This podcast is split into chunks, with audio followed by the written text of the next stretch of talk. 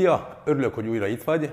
Ez, amit most látsz, egy hosszú-hosszú sorozat első része. Arról fogunk beszélni, hogy hogyan csal a Fidesz. 2010 óta minden országgyűlési választás után ugyanazt halljuk ugyanis, hogy nyert a Fidesz, nyert a Fidesz, nyert a Fidesz. 2014-ben és 2018-ban ráadásul nagyon.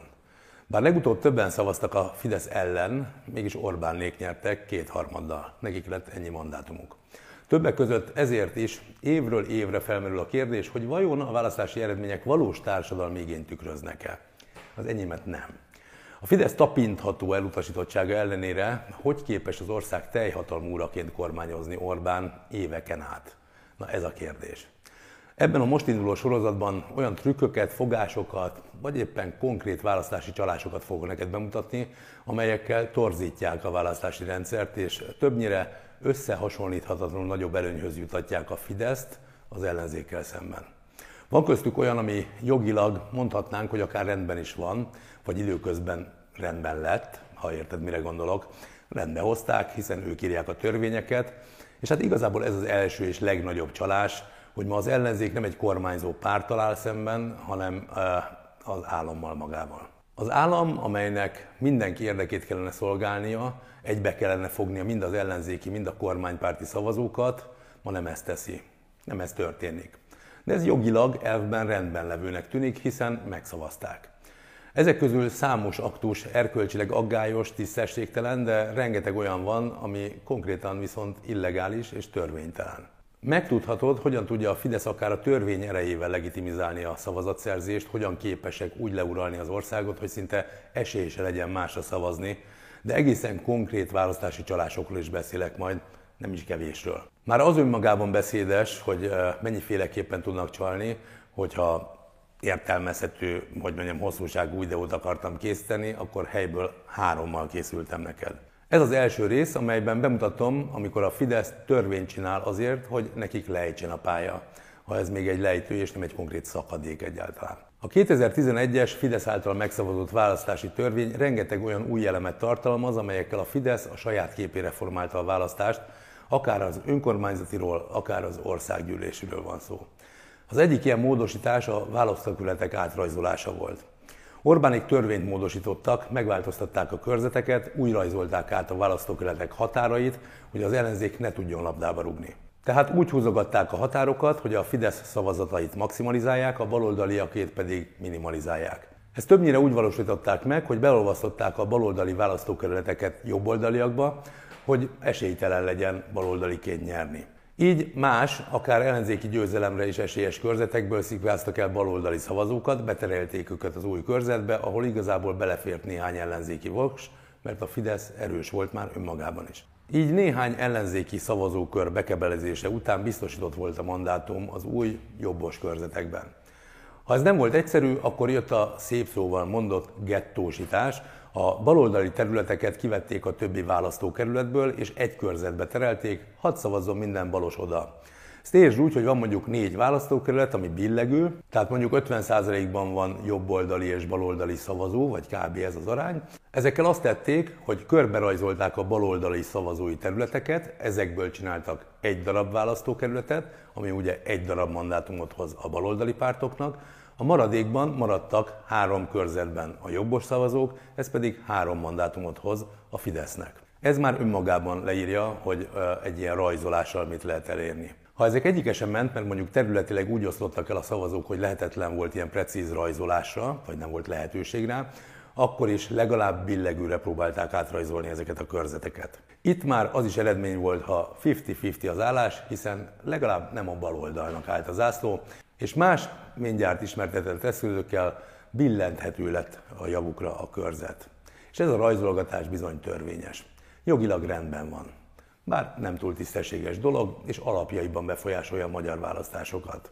Szinte csak a Fidesz javára, hiszen ők rajzolták. Mindenféle több párti egyeztetés nélkül.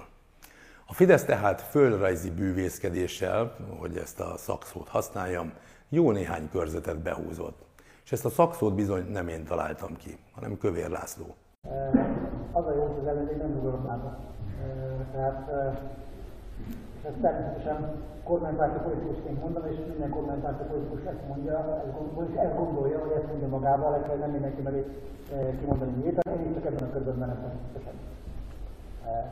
Hát Isten őriséget nem rúgnak. Az, amit mondanak a választási rendszer reformjáról, nem mondom, hogy nincsen benne a földrajzi bővészkedés, vagy nem volt benne. Persze, ahogy mondtam, az, ami jogilag rendben van, és még a házelnök is leokézza, az attól még nem lesz korrekt. A 444 egy 2014-es összesítésében több konkrét példát is hoz, amelyekből érthető, miért is lejt igazából a pálya a Fidesznek. Veszprém megyében három, inkább baloldali körzetet beolvasztottak négy jobboldaliba, így az addig alapvetően kiegyensúlyozott megyéből erősen jobboldali lett. Budapesten is van jó néhány terület, amit átrajzoltak, ahol jobbos körzetekkel erősítettek meg néhány új választókerületet, ilyen például az egyes számú választókerület, ezt hidd el, hogy jól ismerem, itt politizáltam. Itt ugye az első kerület, ötödik kerület, nyolcadik, kilencedik kerület bizonyos részeiből a szavazóköröket egybetették, ahonnan inkább jobboldali szavazókra lehetett számítani. Így az inkább baloldali Budapest közepén lett egy inkább jobboldali tömb. Hál' Istennek ma már olyan a helyzet, hogy itt is tudott ellenzéki nyerni 2018-ban. De máshol is kialakítottak úgymond baloldali gettókat, ilyen például a 13. kerület, ahol elengedte a Fidesz, azt mindig is a baloldal fogja nyerni, hiszen ide összpontosulnak a baloldali szavazatok. De ugyanezt csinálták Baranyában is, ahol a hagyományosan baloldali Komlóta szintén inkább hagyományosan baloldali Pécshez rajzolták át, így lett egy gettó a baloldali szavazóknak. A választások tisztaságáért dolgozó Unhack Democracy Europe a 2018-as Magyarországi Országgyűlési Választások adatainak elemzése után arra jutott, hogy a kormánypárt úgy csűrte csavarta a választóköletek rajzolgatását, hogy azokban az országrészekben lett több parlamenti képviselői hely, amelyekben végül magasabb támogatást tudott szerezni a Fidesz-KDNP. Tehát, hogy értsd, ez igazából mindent el is mond, sikeres volt a rajzolgatás. A Political Capital 2014-es tanulmánya szerint ahhoz, hogy ezt az aránytalan választókerületi felosztást az ellenzék valahogy ellensúlyozni tudja, 300 ezerrel több szavazatot kell szerezni a választásokon, mint a Fidesznek. Így lehetne csak parlamenti többsége. Tehát az ellenzék eleve mínusz 300 ezer szavazatról indul. Ha azt mondjuk, hogy kb. 8 millióan szavazhatnak az országban, és nekik a 70%-uk szokott nagyjából elmenni, akkor a 300 ezer szavazat bizony több mint 5%-ot jelent és ez még csak az első pont volt. Szintén a 2011-es választójogi törvény módosítás adott lehetőséget arra, hogy választójogot kapjanak a külföldön élő magyar állampolgárok. Most szándékosan nem ezt a témát feszegettem, hogy a határon túliakkal mi történt, hogy ez így rendben van, vagy kevésbé érdekes, bár egyébként Áder szavai után lehet, hogy érdemes lenne ezzel is foglalkozni. Nem támogatják a külföldön élő magyarok szavazását. A Fidesz politikusa szerint belpolitikai kérdésekben ne döntsenek azok, akik nem ebben az országban élnek, nem itt fizetnek adót. De most inkább arra koncentráljunk, hogy egy törvénymódosítással hogyan tudott még több szavazatra szert tenni a Fidesz, szinte biztosan. A magyarországi állandó lakhelyel nem rendelkező állampolgárok, tehát a határon túli magyarok, bár csak pártlistára szavazhatnak, de ezt megtehetik levélben is. Ezzel már önmagában megdöntötték a pályát, bár ez egy eufémizmus, hiszen a határon túli magyarok túlnyomó többsége a fidesz szimpatizál, hiszen számolatlanul öntik oda a magyar adófizetők pénzét civil szervezeteknek, álcázott, nem tudom, egyesületeknek, hogy ebbe az irányba tereljék az embereket, a Fidesz irányába. Így borítékolható volt, hogy egy tolvonással több tízezer szavazatot szerezhetnek Orbánék. 2021. novemberében ismertették a Bálványos Intézet közvéleménykutatását, amelyből az derül ki, hogy az erdélyi magyarok 42%-a biztos, hogy részt venne a 22-es választásokon, és nagy többségük, 83% azt mondta, hogy a Fideszre szavazna. A 83% mellé, aki biztosan Fideszre szavazna, tedd mellé, hogy az ellenzéki összefogásnak mindössze 3%-ot sikerült elérni ebben a körben. A kutatást a Bálványos Intézet csinálta, ez majdnem olyan, mintha itthon a század végezte volna el, de mondjuk az adatok akkor is figyelemre méltóak. Ehhez fontos tudnod, hogy 2018-ban például a levélszavazatok 96%-át kapta a Fidesz. Ez 216 ezer voks volt akkor, a második helyzet LMP ennek egy századát sem ért el, 2000 szavazatot. Ennyit gyűjtöttek a határon túlról a magyar pártok. Azaz egy törvénymódosítással több mint 200 ezer voks jött külföldről a Fidesznek, és akkor még ehhez adjuk hozzá a választókerületek átrajzolása után szervezett több tíz vagy több százezres előnyt. És akkor egy kis aktualitás. 2018-ban 650 ezer választási értesítőt küldtek ki a határon túli magyarok számára. Idén 120 ezerrel többet, 770 ezeret. Szóval 2022-ben még egy picit nehezebb lesz ezen a területen. Az is torzította, illetve torzítja a választási rendszert, hogy a Fidesz kiterjedt hálózatot épített ki a szomszédos országok magyar lakta településein. Szintén az Unhack Democracy Europe jelentéséből derül ki, hogy rengetegen segítettek a pártnak a határon túli magyar szavazók regisztrálásában, és aztán, ami talán még durvább, a szavazólapok összegyűjtésében. Az ellenzéknek itt nincs ereje, vagy alig van, illetve erőforrása egyáltalán nincs, de pláne hálózata ezen a területen működni. Na itt köszön vissza az, hogy igazából az állam a kormánypárt érdekében osztja a határon túli támogatásokat, ezzel befolyásolva egy párt irányába a választást. De még ezen túl már önmagában a regisztráció érvényessége is sok problémát vet fel. A magyarországi lakcímmel nem rendelkezők ugyanis akkor vehetnek részt a választáson, ha a Nemzeti Választási Irodától kérik a felvételüket a központi névjegyzékbe. Ezt a sikeres regisztrációt azonban 10 évig érvényben tartják. Tehát 10 évig senki nem ellenőrzi nem hogy a személyazonosságukat, de azt sem, hogy egyáltalán életben vannak-e. A választási irodának nem kell értesülni a változtatásokról, így továbbra is vissza lehet élni az elhunytak szavazólapjaival, pofátlanul lehet szavazni a nevükben, senki nem tudja ellenőrizni azt. És meg is teszik. Itt a Jándi temetőben például megtaláltuk annak az asszonynak a sírját, aki szintén szerepel a választási névjegyzékben. Megnéztük, 37 éve halott. A határon túli magyarok mellett persze vannak azok, akik külföldről szeretnének szavazni, akiknek van bejelentett magyarországi lakóhelyük. Ők azok, akik egyébként egy jobb élet reményében külföldön próbálnak szerencsét. Ott tanulnak, vagy ott dolgoznak, mint mondjuk Orbán Ráhel. Ők egyéni jelöltre is és pártlistára is szavazhatnak, vagy szavazhatnának. Mert ezt viszont nem tehetik meg levélben. És ez bizony egy kőkemény hátrány számukra, de pláne a határon túli magyarokhoz képest. Mivel ebben a csoportban sok olyan van, aki kényszerűségből vagy a kormány gyűlöletéből, talán éppen a kormány miatt utazott el Magyarországról, hogy mondjuk Londonban vagy Berlinben mosogasson, vélhetően nagyobb az ellenzéki szavazók aránya. Ők viszont levélben nem szavazhatnak. El kell menniük az adott ország külképviseletére, vagy akár egyenesen hazautazhatnának szavazni, és személyesen kell ezt megtenniük. Sokan ezt persze nem tudják megoldani, volt nem is egy eset, amikor valakinek több ezer kilométert kellett, vagy kellett volna utazni a külképviseletre, hogy szavazzon.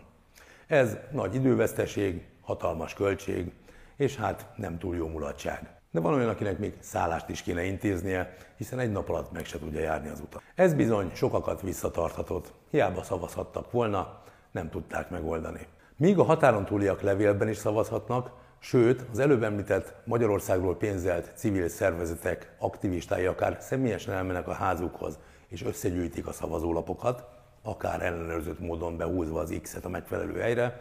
Szóval addig a kint külföldön élő magyarok nem szavazhatnak így. Ezek a szavazatok pedig nagyon nagy arányban az ellenzéktől vettek el mandátumokat. Így aztán kijelenthető, hogy a külföldi magyarok szavazási rendszerébe bele van kódolva a Fidesz relatív sikere. 2021. októberében egyébként a külföldön élő magyarok egy csoportja levelet írt Semmilyen Zsoltnak és Varga Juditnak, hogy módosítják a választójogi törvényt. Nyilván azért, hogy a külföldön tartózkodó állampolgárok szavazhassanak levélben, akár rendelkeznek lakcímmel, akár nem. Tudod, mit válaszolt neki Semmilyen és Varga Judit? Nem tudod? Hát ők sem tudják, mert hogy nem jött válasz. Úgyhogy ha esetleg mégis te találkoznál ezzel a választal, Bátran mondd el mindenkinek, mert te leszel a hírforrása. Na de menjünk tovább. Szintén megnehezíti az ellenzék helyzetét és torzítja a választási rendszert maga a jelöltállítás. Ezt is sokszor pofozták már, legutóbb éppen Volner János, ex-jobbikos, ex-mihazánkos, ma én azt hiszem, hogy egyszerűbb simán Fideszesnek hívni, aki független gúnyába öltözött. Szóval ő nyújtott be egy törvénymódosító javaslatot, amitől még inkább a Fidesznek lejthet a pálya. Volnerről annyit érdemes tudnod, hogy általában együtt szavaz a fidesz és a kommunikációjában is követi a kormánypárti narratívát, így nem meglepő, hogy Orbánéknak kedves változtatást szorgalmazott. Ahogy az sem meglepő, hogy ezek után a Fidesz meg is szavazta. Korábban úgy volt, hogy a pártlista állítása az elég volt 27 egyéni jelöltet indítani egy pártnak, legalább 9 megyében és Budapesten, ezt emelte volna fel a Fidesz 50-re, de jött a párt bunkós botja Volner János, és még ezt is feltornázta, tehát az 50-et 71-re. Ráadásul legalább 14 megyében és Budapesten kell már jelöltet indítani.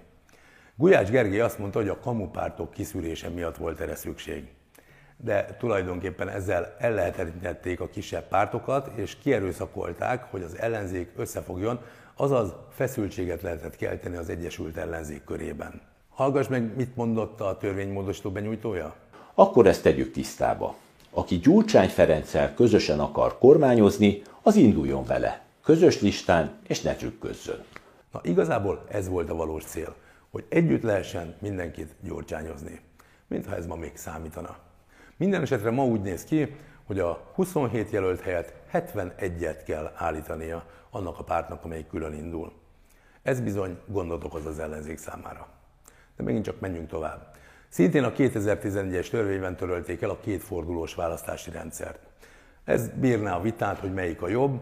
Korábban akkor volt eredményes egy választás, itt az egyéni jelöltekről beszélek, ha a választásra jogosultak több mint fele elment szavazni, az egyéni jelölt pedig megszerezte a mandátumok legalább felét. Ha ez azonban nem sikerült, akkor jött a második forduló, és itt bizony lehetőség volt tárgyalni.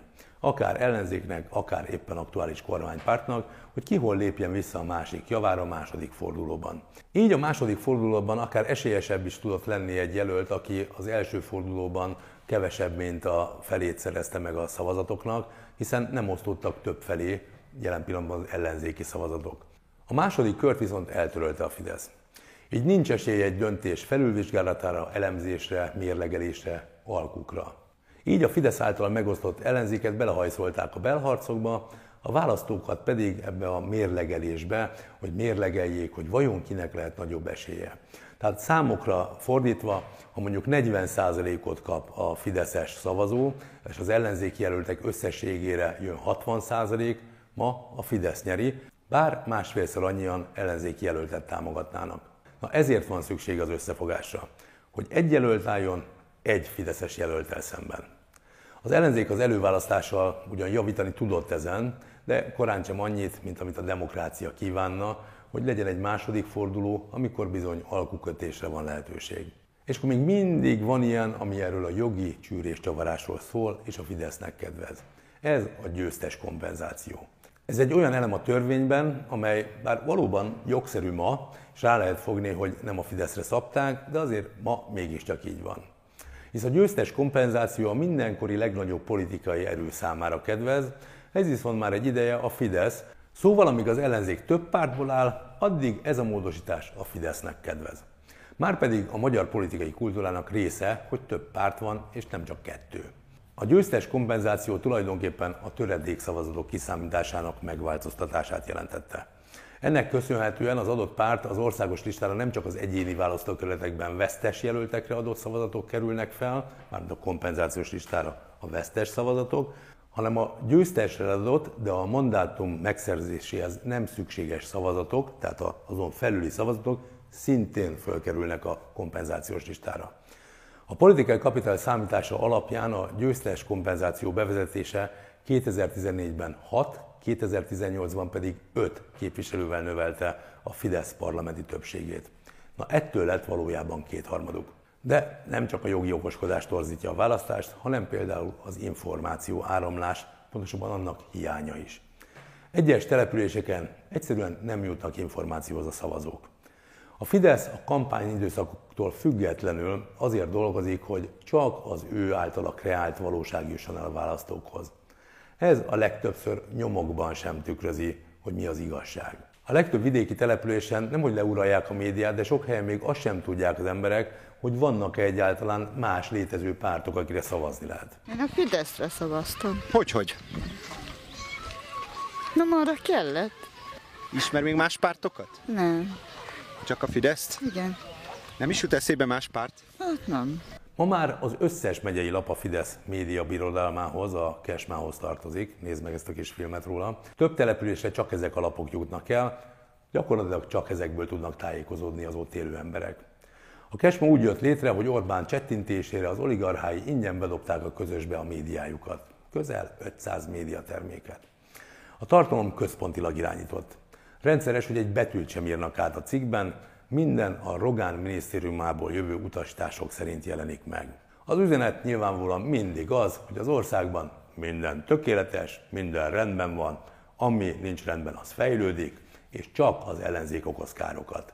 Nincs korrupció, nincsenek botrányok, nincs szegénység, van viszont migránsválság, buzék, meg minden, ami kell Brüsszeltől soroson át. Így könnyű a tudatlanságban tartott embereket felhergelni, és bizony egymásnak ugrasztani. Akár kisközösségben, de akár még a családi ebédeknél is. Ezek a lapok ráadásul tele vannak pumpálva kormányzati hirdetésekkel, mert bizony a piacról esélyük nem lenne megélni. És ezek a hirdetések szintén a Fidesz narratíváját harsogják. Ahogy mondtam az előbb, egybeír a Fidesz és a kormányzat kommunikációja. De azért az ellenzéki városok is támadás alatt vannak, ha éppen ott még ellenzékiek vannak. Nemrég újabb ingyenes lap, a City 7 indult el, de csak azokban a városokban érdekes módon, ahol erős az ellenzék. Ezzel a kiadványjal fogják ekézni az összefogást egészen 2022 áprilisáig, aztán nyilván megszűnnek, így a megyei lapok mellett egy újabb kiadványjal tudják bombázni a helyeket. Csak az meg csak a haba tortán, mert a Magyarországon fogható összes országos rádiófrekvencia 100%-a állami vagy fideszes kézben van, ahogy a tévék túlnyomó többsége is. Így folytatható többfrontos kommunikáció, így lehet célba venni a választókat különböző központilag irányított kampányokkal. A közmédiát szerintem tényleg hagyhatjuk, nézd meg ezt, egy konkrét hírhamisító irányítja. Az M1 vagy a közrádió pártatlanságát talán már a legnagyobb Fidesz hívók sem hiszik el. Ellenzéki hangot szinte alig hallanak, az összefogás szereplői maximum egy-egy lejárató anyagban értesülnek. Később persze az az információ sem jut el hozzájuk, hogy hazudtak ezek a médiumok, hiába kötelezik őket számtalan bírósági eljárás során helyreigazításra, nem teszik meg. Erről is számtalan személyes példát is tudnék mesélni. Ma már bizony az online térrel is foglalkozik a Fidesz, ügyelve arra, hogy annak is átmossák az agyát, aki nem néz tévét vagy nem olvassa a szennylapjaikat. Szinte nem tudsz elindítani úgy egy YouTube videót, hogy ne kapnál az arcodba egy fideszes propagandafilmet. A Facebookon is letilthatsz bármennyi fideszes vagy Fidesz közeli hirdetést, mindig meg fog jelenni egy a hírfolyamodban, mert újat és újat hoznak létre. És itt még sokkal kevesebb a lehetőség a helyreigazításra. Csak néhány szám, a 444 ment utána, hogy a Márkizaj Péter miniszterelnök jelölti válása után 10 nap alatt 54 millió forintot költött posztokra a Fidesz, hogy lejárassa őt. Figyelj, összességében az előválasztás alatt közel 370 millió forintot szórtak el az ellenzéket lejárató online reklámokra és influencerekre. Csak hogy érzékelt, hogy ez mekkora szám. Az összes az előválasztáson elinduló ellenzéki párt ennek az összegnek a kétharmadát sem költött el. Tehát volt egy párt, amelyik nem indult az előválasztáson, mégis 50%-kal többet költött rá, mint az összes induló együtt. Na jó, álljunk fel a fotelből és menjünk ki az utcára. Egy választópolgár az utcán sem, a köztereken sem tud szabadon tájékozódni. A választási csalás, vagy ez a torzítás legalábbis a plakát helyeken is jelentkezik. A pártok ma már csak óriás plakáton vagy az önkormányzat felületein hirdethetnek. Ezek a hirdetések viszont éppen azokon a kis településeken lennének fontosak, ahol rendszerint Fideszes a polgármester, és ahol az emberek szinte nem is ismernek más pártot, mint a Fideszt. Ez abból is következik, hogy elfoglalják a helyi médiát, propagandagépezetté és irányítják a helyi lapokat. Többek között ez az információ megvonás, a közmunkaraprogram vagy az osztogatások okán eszükbe sem jut más párt az ott élőknek. Az óriás plakátokon elméletileg még lenne esélye az ellenzéknek kommunikálni, de a plakát cégeket, emlékezz csak Simicska Lajos ügyére, már régen bedarálta a Fidesz, és saját oligarchái kezébe adta. Így az ellenzéknek elvétve adatik meg, hogy legális felülethez jusson. A Fidesznek ráadásul eleve duplázódik a tere, hisz már teljesen elmosódtak a határok a kormány és a Fidesz hirdetések között. A kettő ma igazából egy. Van egy pártállam és kész. Az üzenet is tök ugyanaz, csak éppen két büdzséből fizetik a hirdetéseket. De ne izgasd magad, mert mindkettőt te töltöd fel.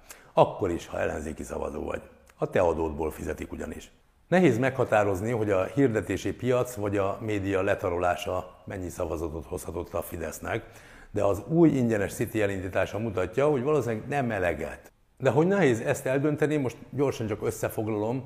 Tehát volt a győztes kompenzáció, volt a szavazókörök átrajzolása, volt a választójogi törvény megváltoztatása, és ez még csak a kezdete az egésznek. De ahogy mondtam, ez a mai videó csak egy volt a háromból, még kétszer ennyi ügyeskedést és manipulációt fogok neked bemutatni, amelyek alapvetően befolyásolják, vagy befolyásolhatják a választásokat. És bizony mind a Fidesz javára. Jó, bocs, tévedtem, nem csak a Fidesznek, más pártoknak is, a KDNP-nek.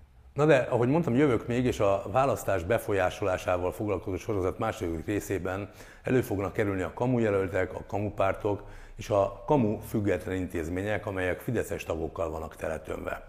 Ilyenek a választási bizottságok, akár helyben, akár országosan, de számos más dolog is szóba fog kerülni. Addig mindenképp javaslom, hogy nézd meg a Partizán idevágó sorozatát. Keres rá a YouTube-on a rablópártok szóra, és hiánypótló alkotásokkal fogsz találkozni. Ha eddig nem tetted meg, nézd meg. Van egy hosszabb film, ez volt az eredeti, ezzel kezd, és aztán követi jó néhány, amit később forgattak le. Én azt gondolom, hogy kötelező megnézned. Tehát addig sem fogsz unatkozni, amíg én jövök. Meg egyébként sem unatkoz, jelentkezz aktivistának. Bárhova, bármely számodra szimpatikus szerveződéshez. Akár ide hozzám is tudsz, mert a Nerpédiát építjük, szépül, fejlődik, de sokat segíthetsz munkával is ebben a tevékenységben. De az is nagyon fontos, mint hogy láttad már eddig is, hogy mennyire torzítja a választásokat a különböző administratív intézkedések sorozata a Fidesz részéről, ez bizony mi munkával tudjuk felülírni, hogyha sokan leszünk, akik dolgozunk az ellenzék sikeréért. Ezért mondom, ha látsz olyan ellenzéki jelöltet, aki szerinted fontos, hogy ott legyen a következő országgyűlésben, vagy pöckölje ki a Fideszest a helyéről, akkor bizony menj el hozzá dolgozni. Mondhatnám, politizálj. És ez egy pozitív üzenet, ez fontos. Fontos, hogy részt vegyél ebben a munkában. Erről már csináltam egy kis videót korábban is, nézd meg, mert bizony te vagy a felelős, ha nincsen változás. Te és mindenki más, én is. De én dolgozom, és arra biztatlak, hogy dolgoz te is, és tudom, te is dolgozol. És együtt fogunk dolgozni az ország sikeréért. Tehát ezért kérlek, hogy ha máshogy nem, akkor oszd meg ezt a videót, vagy iratkozz fel helyből a csatornára, ha még nem tetted, illetve itt szintén találsz egy másik kisfilmet, hogy miért érdemes támogatnod akár minket is, ahol már egy csapat működik, abban a tevékenységben, hogy egyre több és jobb videóval jöjjünk. Itt már egy stúdióban ülök, amit még be kell rendeznünk, ezért csak ezt a gyönyörű hátteret láthatod mögöttem, de ígérem viszont, hogy haladunk, jövünk, rajtad is múlunk, hogy hányszor és milyen erővel, de itt leszünk. Várlak téged is.